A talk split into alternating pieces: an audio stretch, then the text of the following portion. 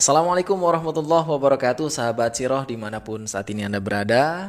Kembali berjumpa bersama saya Umar El Rozi di podcast SCI Alhamdulillah segala puji bagi Allah Ta'ala yang telah melimpahkan uh, karunia dan nikmatnya untuk kita semua Terutama nikmat sehat ya dan waktu luang Sehingga kita bisa uh, meluangkan waktu untuk menyimak eh, kajian-kajian uh, lewat media sosial ataupun channel Siroh Community ini kembali berjumpa dengan uh, podcast SCI yang insya Allah akan terus mengulas uh, materi kisah ataupun siroh dengan uh, guru kita yang sama, selama ini juga selalu fokus di materi seputar itu. Ya, tetap dijaga adab bermajelis dan belajarnya meskipun kita lewat media sosial. Uh, jaga niatnya juga semata karena Allah Ta'ala Semoga kita diberikan ilmu yang bermanfaat. Jangan lupa juga teman-teman subscribe channel Sirah Community sekaligus share ke teman-teman yang lain sebagai bentuk syiar. Semoga kita mendapatkan pahala kebaikan dari apa yang kita simak dan kita bagikan. Oke, di kesempatan kali ini podcast SCI akan mengupas seputar sirah dan kisah untuk remaja. Dan alhamdulillah guru kita Al Ustadz Asif Sobari LC sudah hadir di studio podcast SCI. Kita akan sapa terlebih dahulu. Assalamualaikum Ustadz. Waalaikumsalam warahmatullahi wabarakatuh. Kabar baik Ustadz ya? Alhamdulillah. Alhamdulillah terima kasih banyak Ustadz ya sudah meluangkan waktunya untuk podcast SCI untuk menyapa sahabat sirah di rumah ya. Baik. Ya walaupun sekarang masih uh, seminggu sekali ya uh, tayangnya Ustadz ya. ya. Mudah-mudahan ke depan bisa sebulan empat kali lah ya. Ya, sama aja. Ah, sama aja. Apa bedanya? Baik, iya. Set, di yeah. beberapa pertemuan sebelumnya kan kita sudah membahas tentang tenar, belum tentu benar, kemudian juga ada seputar literatur. Nah, kali yeah. ini pengen yang diangkat adalah seputar siroh dan kisah untuk remaja. Oh iya. Yeah. Karena kita tahu uh, Rasulullah sebagai uswatun hasanah untuk teladan bagi semuanya, tidak hanya untuk kalangan dewasa tentunya saat ya. Ya, yeah, betul. Tapi juga uh, untuk anak-anak dan remaja. Tapi saya sendiri nih misalnya ini sebagai orang yang juga uh, sibuk di buku-buku Islami, hmm. kurang banyak menemukan interaksi Rasulullah dengan uh, anak-anak atau remaja. Artinya buku itu pun juga kurang begitu ya mungkin ada tapi nggak begitu banyak seperti dewasa dan kita baca siro ya Rasulullah bersama Abu Bakar, uh. Rasulullah bersama Umar dan juga orang-orang kalangan Quraisy yang notabene adalah mereka lah orang-orang maksudnya yang, sedikit bukunya iya tidak begitu banyak ada yang kalangan kecil kecil banget e, balita misalnya atau eh, maaf uh. bukan balita anak-anak yang usia prasekolah gitu yang masih oh. bergambar gitu ya hmm. artinya kurang banyak diangkat interaksi ataupun pesan yang ingin disampaikan untuk anak-anak atau remaja. Nah, kita pengen bahas ini saat ini. Siroh dan kisah Nabi bersama remaja. Oh, uh, mungkin ada beberapa ini ya yang ada beberapa persoalan ya. Hmm. Pertama begini, uh, kisah atau sumber riwayat ya, yang terkait dengan anak-anak itu sendiri tidak terlalu banyak ataupun remaja gitu. Okay. Itu satu satu persoalan tersendiri gitu ya. Hmm.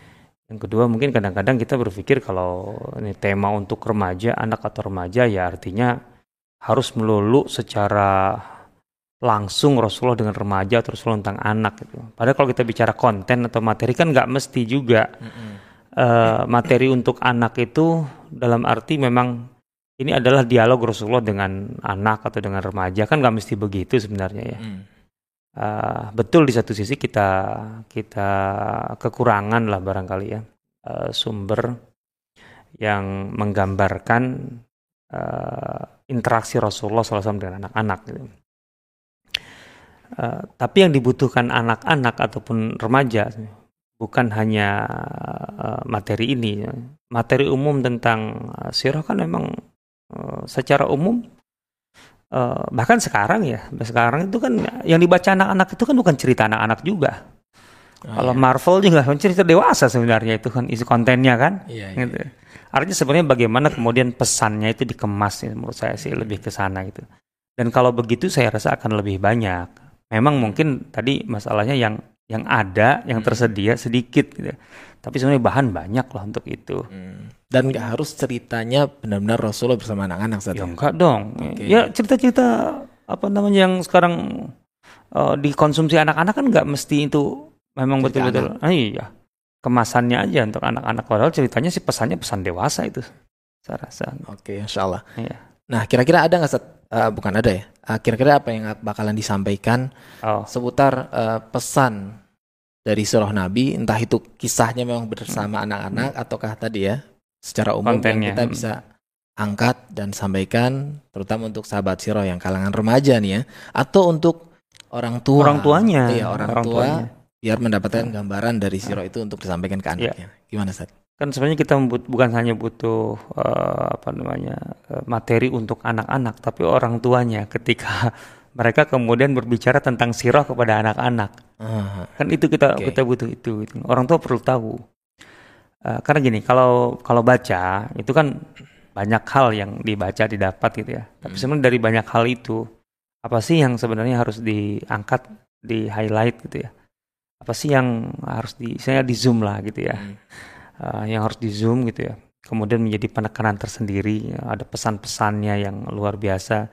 Yang terutama menurut saya secara perlahan membentuk visi anak ya.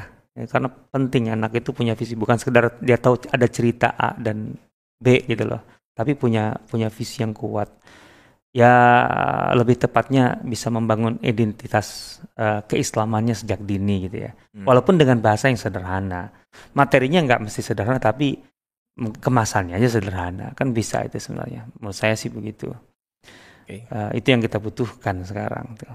Baik. Eh, jadi eh, tetap ya kita bisa merujuk di kitab-kitab klasik atau kitab-kitab rujukan sirah dan kisah dengan tetap mengambil eh, hikmah atau pesan untuk remaja sekaligus disampaikan kepada yang mungkin anak-anak Hmm. bisa kita ambil pelajaran dari sana. oh ya dan bukan hanya sirah Rasulullah ya artinya sejarah Kisah- kisah-kisah yang oh, secara umum gitu dan itu yang kita bahas di Eh, eh, eh, program ini tadi. oh iya iya Siap. ya kita insya Allah sampai bahkan mungkin kita perlu mengangkat eh, profil ya seorang eh, yang ya yang baik itu yang populer ataupun yang tidak populer tapi punya peran besar gitu ya ya kita selama ini kan kalau contohnya gitu penakluk ya di zaman Rasulullah ya Khalid bin Walid contohnya itu Amr bin As Itu yang populernya. tapi jarang kan yang mengangkat Al Musanna bin Haritha Syaibani itu saya aja aja, masih kurang paham. Ustaz. lah ya itu dia padahal itu kan orang sembarangan gitu loh Baik. Kemudian contohnya eh, di generasi tabiin gitu kita mungkin mengenal nama-nama eh, Musa bin Nusair gitu Kutaibah bin Muslim tapi Kutaibah juga kurang populer Kurang kan. populer. ya. Karena padahal luar biasa lah Kutaibah bin Muslim itu sampai ke Uzbekistan ke mana kan ya artinya ke Kaukasus sampai ke hampir ke perbatasan Cina kemudian eh, Asamah bin Malik al Khawlani jarang Oke. kan diangkat gitu. Padahal perannya penting sekali. Atau kemudian ya setelah Tariq bin Ziyad tentu sebenarnya ada sosok eh apa namanya eh putranya Musa bin Nusair itu juga jarang diangkat. Padahal bisa dikatakan yang menuntaskan Futuhat Andalus adalah dia dan itu masih muda. Hmm. itu penting itu eh, perlu diangkat tapi jarang diangkat. Dan banyak itu dalam sejarah kita yang seperti itu. Asad bin Furat itu juga jarang. Para Padahal- kesatria medan perang. Ya itu ya kes- satria macam-macam lah artinya dari berbagai dari berbagai bidang gitu ya. Bidang yang Artinya materi seputar peperangan pun bisa diajarkan anak-anak. bisa kenapa enggak? Bukan nanti berasumsi jadi Tapi itu. Marvel apa isinya? Pesannya? Gebuknya? Main gebuk aja kan? Iya, iya. kita sejarah fakta. Ini bukan ngajarin anak main gebuk. Justru di situ tahu bahwa bagaimana ketika ke- ke- kekuatan energi gitu ya itu digunakan untuk membela kebenaran kan itu benar bukan asal gebuk dalam arti kemudian dibanting gak mati-mati ya. Oke. Ya. Eh, dan pastinya Islam punya definisi khusus Tat, untuk remaja tuh usia berapa dan seterusnya. ya sebenarnya kalau udah ya emang nggak bisa disamakan ya dengan istilah-istilah eh, yang digunakan saat ini gitu ya Hmm. Artinya kalau dalam Islam kan dari anak kecil itu kan disebut atfal gitu kan, tifl gitu, Oke. tiflun gitu. Dari eh, ya kalau apa namanya bayi ya sobi, kemudian uh, beranjak dewasa tifel gitu kan. Kemudian setelah itu ya setahu saya tidak ada penyebutan khusus ya paling gulam gitu ya. Gulam ya. Ya, hmm. tiflun gulam itu berdekatan lah kurang lebih gitu ya. Ya gulam itu sampai usia-usia mumayyiz lah gitu ya, sampai awal-awal masa remaja gitu ya. Artinya usia uh, 8 tahun, 10 tahun masih disebut gulam atau mungkin awal-awal uh, belasan tahun juga masih disebut gulam gitu ya. ya salah satu contoh uh, Mus'ab bin Umar itu disebutkan dalam riwayatnya gitu karena atrafa gulamin di Makkah baina walidayhi. Atraf gulam artinya uh, ya bahasa kita bisa jadi terjemahkan remaja yang paling dimanja lah paling paling apa namanya hidupnya paling enak gitu loh A'tar ahli Makkah. Jadi A'tar gulam di Makkah gitu. Ya, dari sejak remaja itu parfumnya mahal hmm. wangi itu itu Mus'ab bin Umar kan dikenal seperti itu gitu. Nah, jadi itu menunjukkan ya kurang lebih usia menurut saya 12 tahun gitu. Itu masih bisa disebut gulam gitu ya. Di bawah 20 lah ya? Ya di bawah 20 di bawah 15, 15. lah kurang lebih gitu ya. Ya sebenarnya ada irisan-irisan lah saya rasa gitu. Sampai kemudian disebut syabab. Syabab tuh 15an sudah syabab itu udah pemuda itu. Anak pemuda gitu maksudnya. Ada okay. seperti itu. Jadi dari sobi tifel gulam kemudian syabab itu ada itu perkembangan masa tapi ada irisan lah nggak nggak nggak saklek dari usia ke berapa dari berapa ke berapa kalau gitu oke okay. hmm. Ya, uh, dan itu di kalangan sahabat Nabi sendiri banyak saja jumlahnya uh, yang remaja atau. Ah, ini ini ini menarik nih. Hmm. Sebenarnya kalau kita menyadari, gitu, Islam itu dibangun oleh remaja dan pemuda. Sebenarnya, Islam itu. Lah kan yang tertua katakanlah ya, hmm. kita ambil Rasulullahnya aja waktu mulai berdakwah kan baru 40 tahun. 10, oke. Okay dan tidak ada yang lebih tua dari Rasulullah kecuali disebut uh, Ubaidah uh, ibn Haris. Itu yang yang lebih tua dari Rasulullah. Uh, lainnya enggak ada. Ya mungkin dengan Hamzah kemudian ya paman Rasulullah. Hmm? Paman Hamzah dan ah, tapi Hamzah enggak jauh sih dari Rasulullah walaupun paman. Ubaidah ibn Haris itu sepupu. Itu yang paling di, dikenal paling tua itu. Uh, Syekh uh, Munir Muhammad Ghadban dalam kitabnya nih syababun fil ahdin nabawi. Apa muda di masa Rasulullah SAW hmm. menyebutkan yang dikenal yang diketahui lebih tua dari Rasul cuma itu. Yang lainnya lebih muda. Termasuk Abu Bakar juga. Abu Bakar kan dua tahun empat bulan bedanya dengan Rasulullah SAW di bawah Rasulullah gitu kan. Umar apalagi gitu kan di bawah lagi jauh sebenarnya lebih. Utsman kurang lebih usianya terpaut lima tahun uh, di bawah Rasulullah SAW kemudian Abdurrahman bin Auf kurang lebih 30 uh, eh, tahun waktu masuk Islam berarti 10 tahun terpaut dengan Rasulullah. Umar kalau tidak salah 13 tahun. Umar 13 tahun gitu ya. Nah, jadi uh, terpautnya gitu ya. Hmm. Jadi kurang lebih lah gitu. Para sahabat itu umumnya usia waktu itu itu di kisaran 20-an tahun umumnya umumnya. Banyak kan para sahabat loh yang berjuang bersama Rasul itu usianya 20-an tahun. Bahkan di bawah 20 tahun itu banyak lah. Itu yang membuat kita seharusnya uh, tertarik nih gitu.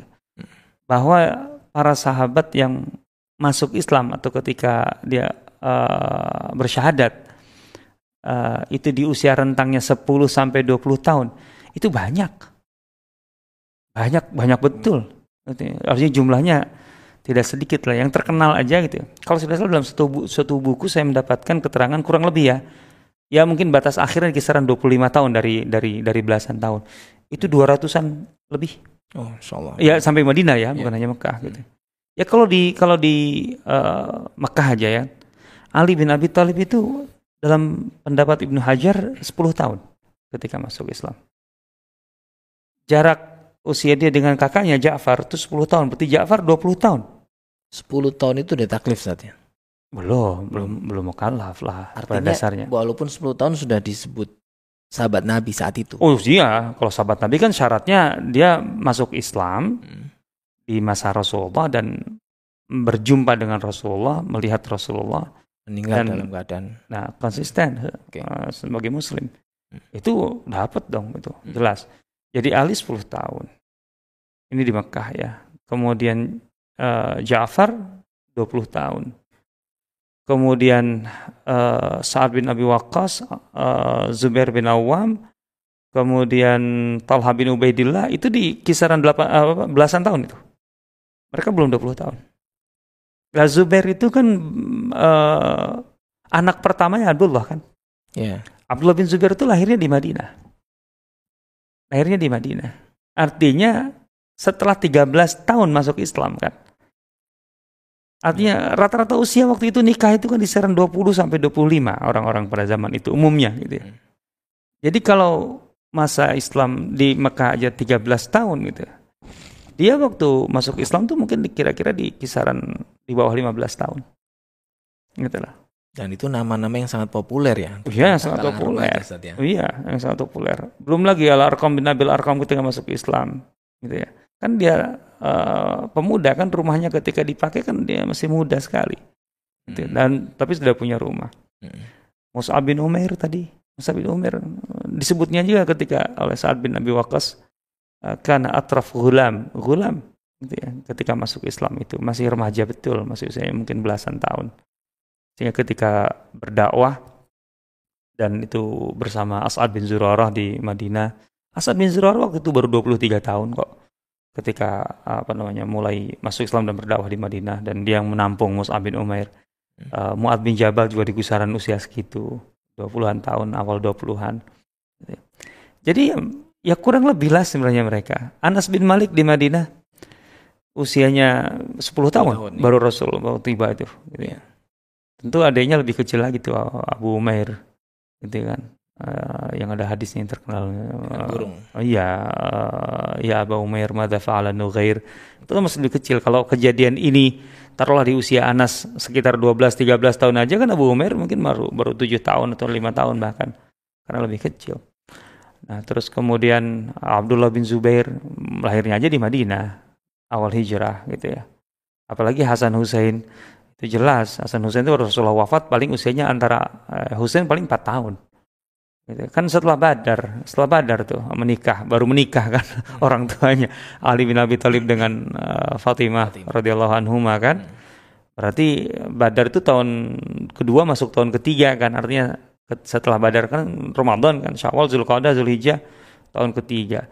Kalau satu tahun kemudian punya anaknya tahun keempat kan baru punya anak itu dan itu artinya baru enam tahunan waktu Rasulullah wafat uh, uh, iya Usama bin Zaid ketika Usama bin Zaid itu mulai aktif di militer itu kurang lebih satu tahun sebelum Mu'tah tahun ketujuh gitu lah tahun ketujuh aktif ya kurang lebih saat itu baru berusia 15 tahun kan mulai aktif rata-rata kan Berarti ketika tahun eh, uh, 10 itu dia 18 tahun ketika menjadi panglima, panglima. pasukan. Hmm. Gitu loh. Jadi uh, Abdullah bin Umar kita tahu tertolak di perang Badar kan? Karena usia. Karena usia, perang Uhud juga tertolak. Gitu loh. Baru aktif betul itu kan di uh, uh, ikut perang Bani Mustalik gitu kan. Dan kemudian Ahzab. Artinya di Uhud itu kurang lebih dia baru berusia uh, sekitar Eh, paling paling tinggi 14 tahun ketika ditolak di Uhud itu. Karena kalau 15 tahun dah otomatis diterima. Hmm. Gitu ya. Karena ditolak paling 14 tahun. Itu. Waktu di Uhud loh.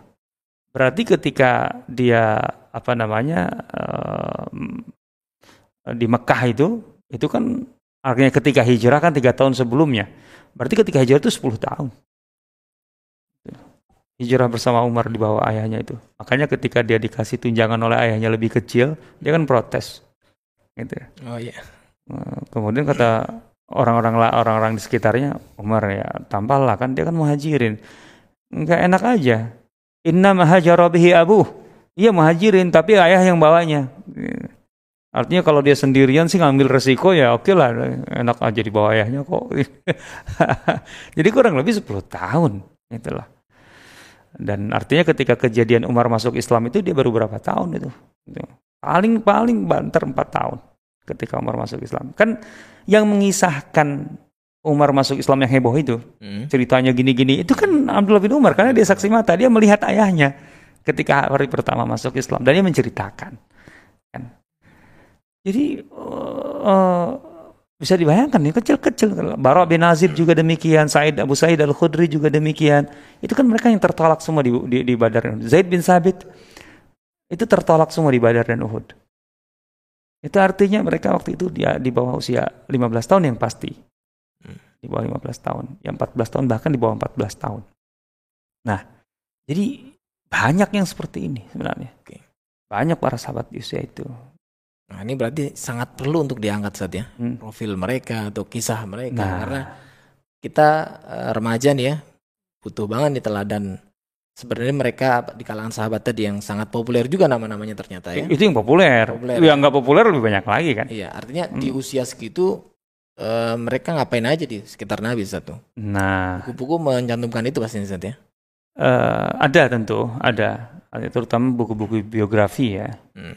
Artinya ketika uh, kita membaca buku biografi, biasanya ada keterangan per, riwayat hidupnya, artinya dari sejak kecilnya seperti apa. Walaupun tidak tidak banyak, harus diakui tidak banyak.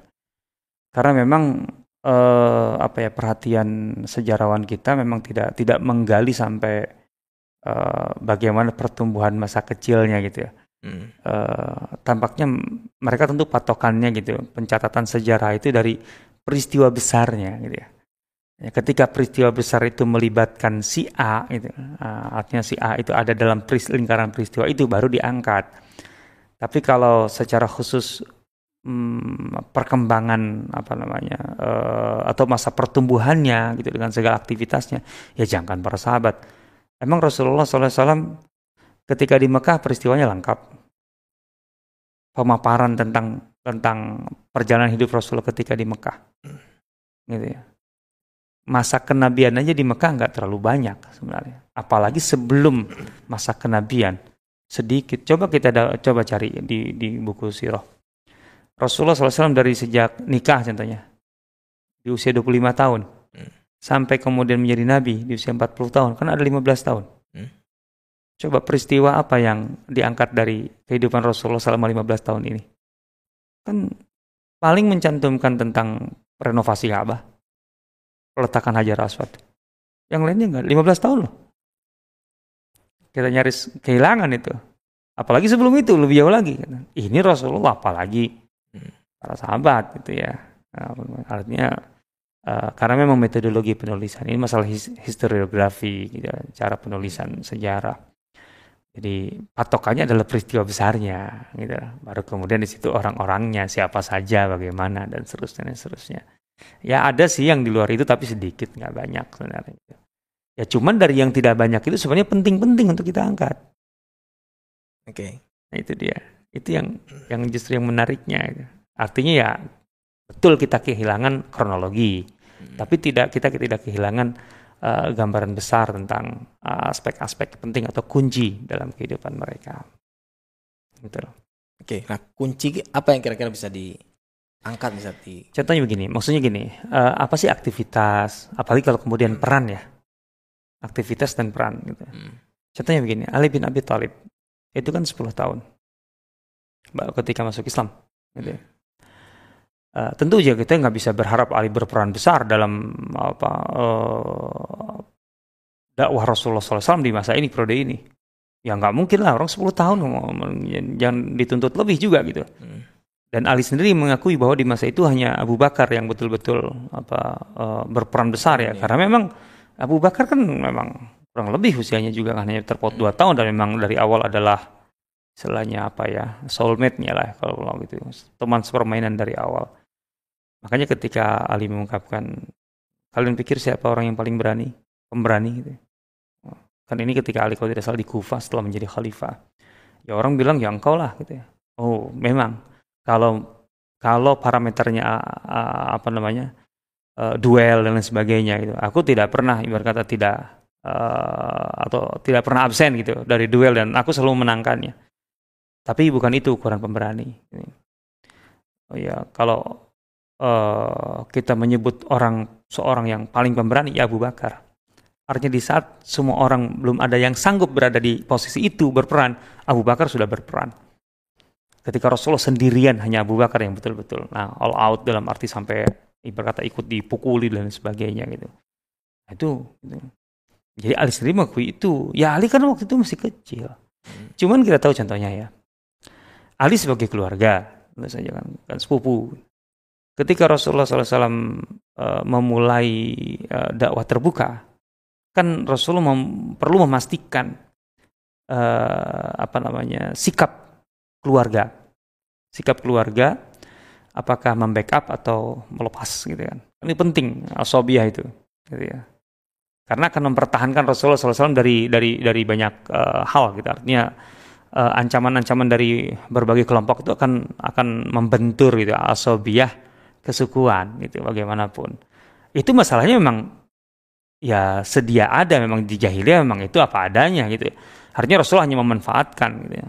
Rasul bukan dalam dalam posisi membenarkan tapi memang memanfaatkan saja memang mau dibilang apa nah kan kita tuh Rasul mengundang keluarganya dulu kan paman-pamannya Nah, siapa yang kemudian bisa dikatakan jadi IO-nya lah, organizernya? Hmm. Nah, itu lebih lebih Talib riwayatnya. Jadi dia yang menyiapkan makanan, dia yang mengundang gitu. Itu itu Ali di, di, di usia kurang lebih waktu itu 13 tahun berarti. Karena kan masuk mulai dakwah terbuka itu setelah tiga tahun berdakwah. Itu Ali gitu. Selain tentu saja Ali ya menjadi murid yang betul-betul mendapat sentuhan full dari Rasulullah SAW karena tidak pernah uh, lepas dan tidak pernah jauh dari Rasulullah kan tinggalnya aja di rumah Rasulullah Ali itu hmm. karena dibesarkan oleh Rasulullah kan Ali itu di, istilahnya diadopsi kan diambil dari dari dari ayahnya Abu Talib gantian ya dulu Nabi yang di betul di, itu bagian oh. dari wafa Rasulullah SAW hmm, Rasulullah nggak pernah melupakan kebaikan orang hmm. makanya ketika Rasulullah menikah sudah mandiri secara kehidupan punya kehidupan pribadi secara ekonomi juga mandiri hmm melihat Abu Talib itu kesulitan secara ekonomi dan tanggungannya banyak, maka kemudian Rasul kan bicara sama Abbas waktu itu. Hmm. Yuklah kita ringankan Abu Talib ini. Aku ambil satu, engkau ambil satu. Maka Abbas kemudian dan Rasulullah maju kata uh, Abu Talib, selain Talib seterah deh, jangan Talib aja. Uh, Talib kan yang tua gitu jadi dibutuhkan sekali. Maka Abbas mengambil uh, Ja'far, gitu ya. Rasul mengambil Ali yang itu waktu itu mungkin usianya masih sangat sangat kecil mungkin Ali lima tahunan atau berapa walau taala yang jelas sebelum 10 tahun tentu gitu ya nah jadi eh, dari situ kita tahu bahwa Ali mendapatkan eh, pendidikan betul full gitu ya. dan dibanding siapa pun tentu persentuhan Ali dengan Rasulullah sangat sangat ya sampai kemudian hijrah ke Madinah kan juga terus nempel nggak pernah nggak nempel bahkan Ali ibarat kata eh, sampai lah uh, ya bukan bukan mengabaikan ya Ali. Ya. Dalam arti Ali mengalahkan lah kata artinya uh, Fatimah dan Fatimah paham ya sebagai istri gitu ya bahwa Ali itu dibutuhkan sekali oleh Rasulullah SAW maka Fatimah sampai merelakan Ali untuk terus nempel dengan ayahnya gitu sehingga konsekuensinya Fatimah yang mengurus banyak urusan di dalam rumah tangga dan sampai merasa kelelahan yang yeah. maju ke Rasulullah itu kan Nah itu karena Ali saking nempelnya dengan Rasulullah kan. Gitu ya. Jadi bahwa peran Ali ya dari dari awal lah gitu ya. Ya ketika menggantikan uh, tidur Rasulullah SAW itu waktu hijrah itu itu kan baru 23 tahun usia Ali waktu itu. Gitu ya lebih kurang kan di usia itu. Ya, cuman memang kita nggak bisa berharap terlalu jauh bahwa bagaimana Ali membela Rasulullah ketika masih di awal-awal di Mekah karena usia masih sangat belia dan strategi uh, umum Rasulullah menghendaki para sahabat pada saat tiarap saja. Gitu ya. Ya. Cuman Abu Bakar enggak dari awal full uh, membackup Rasulullah SAW sampai pada tahap-tahap yang sangat kritis. Gitu ya. Oh. Itu Ali itu. Hmm. Belum yang lain-lain gitu kalau kita bicara yang muda-muda gitu. Ya Talha Zubair itu saya rasa ketika kan ada riwayat ketika mereka itu uh, uh, hijrah gitu ya, ke Madinah kan nggak langsung ke Madinah karena mereka kemudian berjumpa dengan Rasulullah saat hendak masuk ke Madinah artinya di, di persimpangan jalan lah gitu ya. Hmm. ada jalan gitu ya dari Mekah gitu ya itu masuk ke Madinah dan jalan yang uh, terus ke Syam gitu ya. Zubair dan Tolha itu kan pulang dari Syam berdagang gitu ya dan kemudian mereka lah yang uh, mengganti baju Rasulullah dengan baju baru ketika masuk ke sehingga rombongannya lebih banyak kan rombongan hijrah cuma empat orang sebenarnya dari Mekah Rasulullah Abu Bakar, Abdullah bin Uraikid dengan uh, siapa? Pelayan Abu Bakar, Amir bin Fuhairah. Hanya empat orang. Tapi ketika masuk ke Madinah lebih banyak karena ada Zubair, ada Tolha yang juga bareng mereka dari Syam, gitu ya. Nah ini kan tahun tahun 13 kenabian kan, hmm. artinya awal hijriah. Itu artinya Tolha dan Zubair itu kalau usia waktu masuk Islam di kisaran 15 tahun saja, berarti kan baru 28 tahun kira-kira, atau bahkan kurang. Ada yang mengatakan Tolha kalau tidak salah waktu masuk Islam usia 13-an tahun. Berarti 25 tahun, 26 tahun mereka waktu itu. 25 tahun, 26 tahun sudah menjadi pengusaha, pedagang. Gitu loh. Yang dagangnya ke Syam loh. Bukan perdagangan biasa, artinya dari segi kos aja sudah jelas besar. Hmm. Artinya kalau mainnya partainya kecil rugi betul. Maksud saya gitu. Artinya ketika mereka di usia 26 tahun sudah berdagang dan mereka tahu pentingnya ekonomi waktu itu untuk membackup dakwah. Berarti mereka otomatis berpikir gitu ya, e, memikirkan hal itu dan memulainya itu jauh sebelum itu dong. Gak mungkin pada saat itu baru memulai, gitu ya. Artinya mereka sudah mulai berpikir untuk apa sih kontribusi saya, peran saya untuk Islam. Itu dia usia belasan tahun. Matangnya cepat. Itu itu yang kita dapatkan dari rata-rata mereka ya. Anas bin Malik 10 tahun ketika Rasulullah tiba. Dan peran Anas bin Malik kan selama 10 tahun itu bukan sebagai pelayan biasa gitu ya. Yang dikerjakan luar biasa. Anas bin Malik itu usianya baru 12 tahun ketika perang Badar kan otomatis. Tahun 2 Hijriah. Ya. Hmm. Loh, Anas tuh ada di Badar loh. Kok bisa lolos tadi? Loh, bukan bisa lolos, memang dibawa oleh Rasulullah. Oh. Bukan sebagai tentara prajurit. Enggak. Jadi untuk melayani Rasulullah. Maka ketika ditanya, Anas engkau ikut? Gue memang aku nggak ikut. Ke Badar maksudnya. Gimana aku nggak ikut? Aku melayani Rasulullah. Artinya sebagai pelayan. Sebagai pelayan dibawa waktu 12 tahun. 12 tahun dibawa ke Badar. Coba ini aktivitas kelas apa ini? Kan betul. Artinya dibawa. Artinya hanya ikut gitu kan. Tapi kan ini pelajaran penting. Sepanjang perjalanan kan dia melihat Rasulullah SAW yang dilayaninya. Bagaimana cara Rasulullah SAW ibarat kata uh, mengatur para sahabatnya, memposisikan diri di tengah para sahabatnya yang serba kesulitan. Terus kemudian bagaimana perang itu terjadi, dia mereka malas. Ini penting sekali. Anak 12 tahun terlibat dalam peristiwa besar. Ini kebiasaan Rasulullah ya, melibatkan anak-anak kecil dalam isu-isu besar. Ini adalah salah satu metode atau pendekatan uh, pendidikan Rasulullah SAW. Hmm. Jadi anak-anak itu diajak bicara isu-isu besar dan dilibatkan dalam isu-isu besar. Dilibatkan itu gak mesti kemudian berperan aktif secara langsung, hmm. gitu ya. Secara tidak langsung, tapi kan dia ikut. Ya kalau yang langsung kayak Zaid bin Sabit. Zaid bin Sabit itu kan ditolak di Badar karena belum cukup usia. Di Uhud juga ditolak. Aslinya ketika dia ditolak di Badar itu mungkin usianya 12 tahun. Mungkin 12 tahun. Nah, tapi kan sepulang dari Badar, Zaid bin Sabit dibawa oleh orang tuanya, oleh ibunya, uh, paman-pamannya. Gitu. Untuk apa? Diserahkan ke Rasul. Rasul barangkali engkau bisa mendapatkan manfaat dari anak ini. Terserah kayak dia bilang apa. Gitu. Yang jelas dia punya kelebihan ini, ini. Dia anaknya cerdas, hafalannya banyak. Waktu itu Al-Quran belum belum lengkap ya turun. Hmm. Tapi dia sudah 16 surah Al-Quran, sudah hafal dan Islam baru sekali kemudian dia bisa baca tulis kan akhirnya Rasulullah kalau begitu baik kalau bahasa kita fit and proper test lah. Sehingga lulus jadi sekretaris. Lu bayangkan anak 12 tahun 13 tahun berada di posisi sekretaris. Ya walau mungkin ringan-ringan saja tapi kan kemudian kita lihat tugasnya sampai menjadi penerjemah menguasai bahasa asing. Enam bahasa asing dikuasai oleh Zaid bin Sabit semasa Rasulullah hidup loh. Artinya ketika Rasulullah wafat dia baru berusia kurang lebih 20 tahun. Ini harus kita apa namanya garis bawahi bahwa anak-anak kecil di zaman Rasulullah SAW itu sudah dilibatkan dalam isu besar hmm. dan juga dalam peristiwa-peristiwa besar. Jadi pembicaraan ataupun praktek lapangan. Rasulullah suka membawa itu, melakukan itu.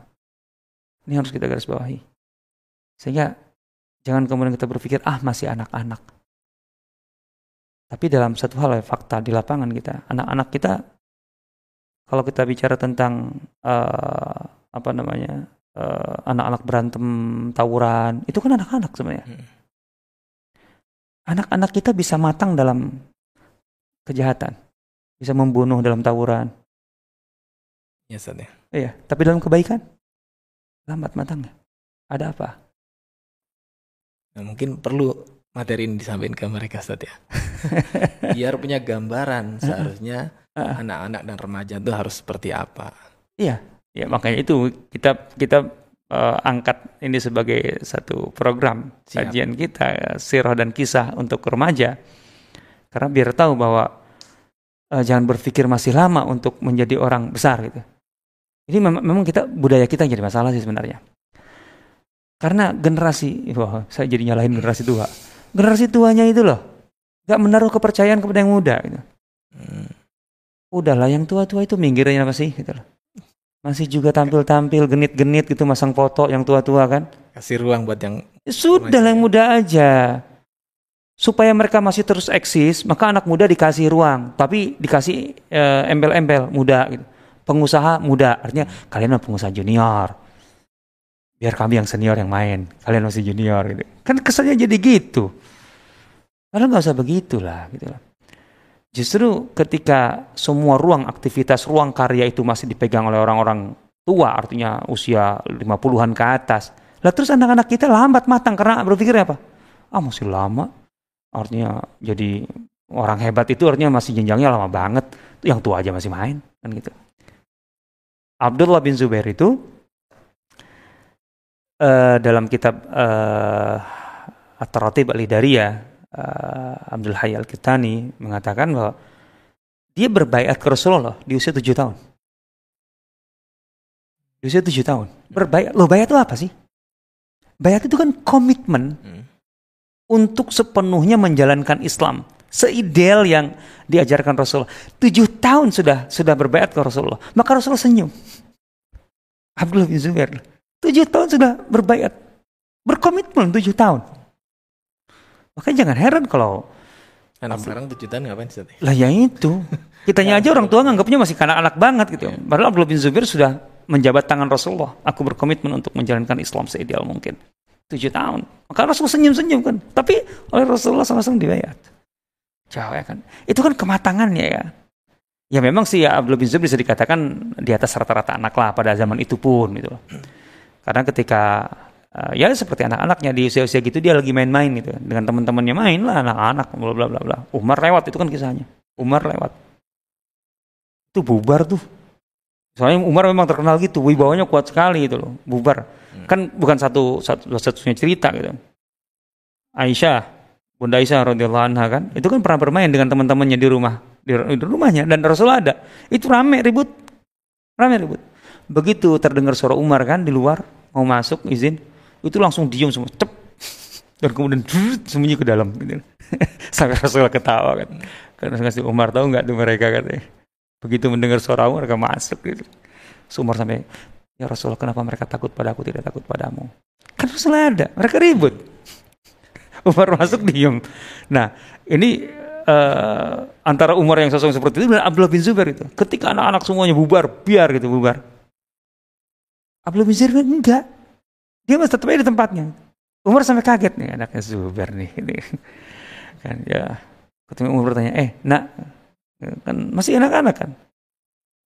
Kenapa nggak nggak lari sama teman-temanmu? Artinya nggak bersembunyi atau lari itu Umar? Kan dia bilang, emangnya kenapa paman aku harus lari? Gitu ya. Jalan ini tidak sempit sehingga aku harus menyingkir. Dan aku tidak membuat kesalahan apa pun sehingga harus takut padamu. Ya ada Bang Umar itu ya anak-anak. Ya iya Zubair, Zubair. Abdullah bin Zubair, ya. Abdullah bin Zubair. Yang lain mah bubar karena Umar terlalu berwibawa, aura Umar terlalu kuat kan. Ya setan aja kan takut sama Umar kan. Ya. Lah tapi Abdullah bin Zubair begitu. Kenapa aku harus lari, Paman? Dalam arti menghindar atau menyingkir. Jalan ini tidak sempit. Sehingga aku harus minggir. Dan aku tidak melakukan kesalahan sehingga harus, tidak harus takut engkau hukum. Silakan lewat. Jadi kalau dilanjutkan semakin menarik Ustaz ya. Ah. Karena banyak nama nih. Tapi kita terbatas oleh oh. waktu Aduh. ya. Insya Allah kita akan bahas di lain kesempatan ah. dengan topik yang sama, yakni seputar siroh dan kisah untuk remaja. Ya tapi nggak mesti harus cerita sahabat yang ya? sama sahabat. Okay. Artinya kan banyak harus diceritakan. Hmm. Uh, tahu pendiri uh, apa namanya uh, ibu kota Adarisa di Maroko, Idris bin Idris dia mendirikan ibu kota itu. Hmm. sekaligus masjidnya. Dan pidato pertama kali kan itu penandanya. Pidato uh, khutbah Jumat pertama kali di ibu kota baru es di masjid. Di usia 12 tahun. Oh 12 tahun loh khutbah Jumat. Masya Allah. sebagai sultan. Sebagai sultan? Iya Ajib. Sultan bebas. ya kan? Sultan bebas. Oke, okay, Sat. Okay. Ya, kayaknya perlu uh, di video berikutnya Sat ya untuk Oh iyalah santai aja lah. Ya. Kan insya Allah kita sebanyak mungkin menggali konten tapi hmm. tetap konten kita intinya adalah uh, bagaimana membekali orang tua pada dasarnya gitu hmm. gitu untuk bisa menarik atau mengemas materi-materi uh, sirah dan sejarah hmm. ketika hendak disampaikan kepada anak-anak. Hmm. Bagaimana bisa menyemangati dan menginspirasi itu okay. intinya sih. Sekaligus mengkondisikan mereka ya di usia yang belasan itu tidak lagi disebut sebagai yang masih kanak-kanak lah ya. gitu ya. Hmm. Ya jangan sampai kalau tawuran aja bisa membunuh orang matang amat kalau kriminal ya, ya. sampai membunuh. Ini kebaikan. Tapi kalau kebaikan kok baru-baru matang ya. Oke. Okay. Eh. Ya, demikian ya sahabat Siroh di mana pun Anda berada. Uh, sebagai prolog dari topik kita tentang siroh dan kisah untuk remaja yang insya Allah kita akan kembali hadir dengan bahasan yang lebih spesifik hmm. seputar kisah, uh, tokoh, orang-orang yang sangat berpengaruh dalam peradaban Islam. Uh, demikian ya, mudah-mudahan berfaedah. Terima ya. kasih Ustaz. Jazakumullah khair. Oh, ya. Dan terima kasih juga untuk teman-teman yang sudah menyimak sampai akhir video ini. Oke teman-teman sahabat Siroh, itu tadi uh, sebuah kajian pembuka seputar Siroh dan kisah untuk remaja yang pastinya sangat sayang sekali untuk dilewatkan. Jadi tetap nantikan uh, bahasan lainnya di video berikutnya. Silahkan teman-teman bisa subscribe channel ini, Siroh Community, sekaligus juga share ke teman-teman yang lainnya, biar kita juga ikut kebagian pahala dari yang lain. Terima kasih uh, buat teman-teman yang sudah menyimak sampai akhir video. Dan kita tutup dengan doa kafaratul majlis. Subhanakallahumma bihamdika. Ashhadu an la ilaha illa anta astaghfiruka wa atubu ilaik. Wassalamualaikum warahmatullahi wabarakatuh.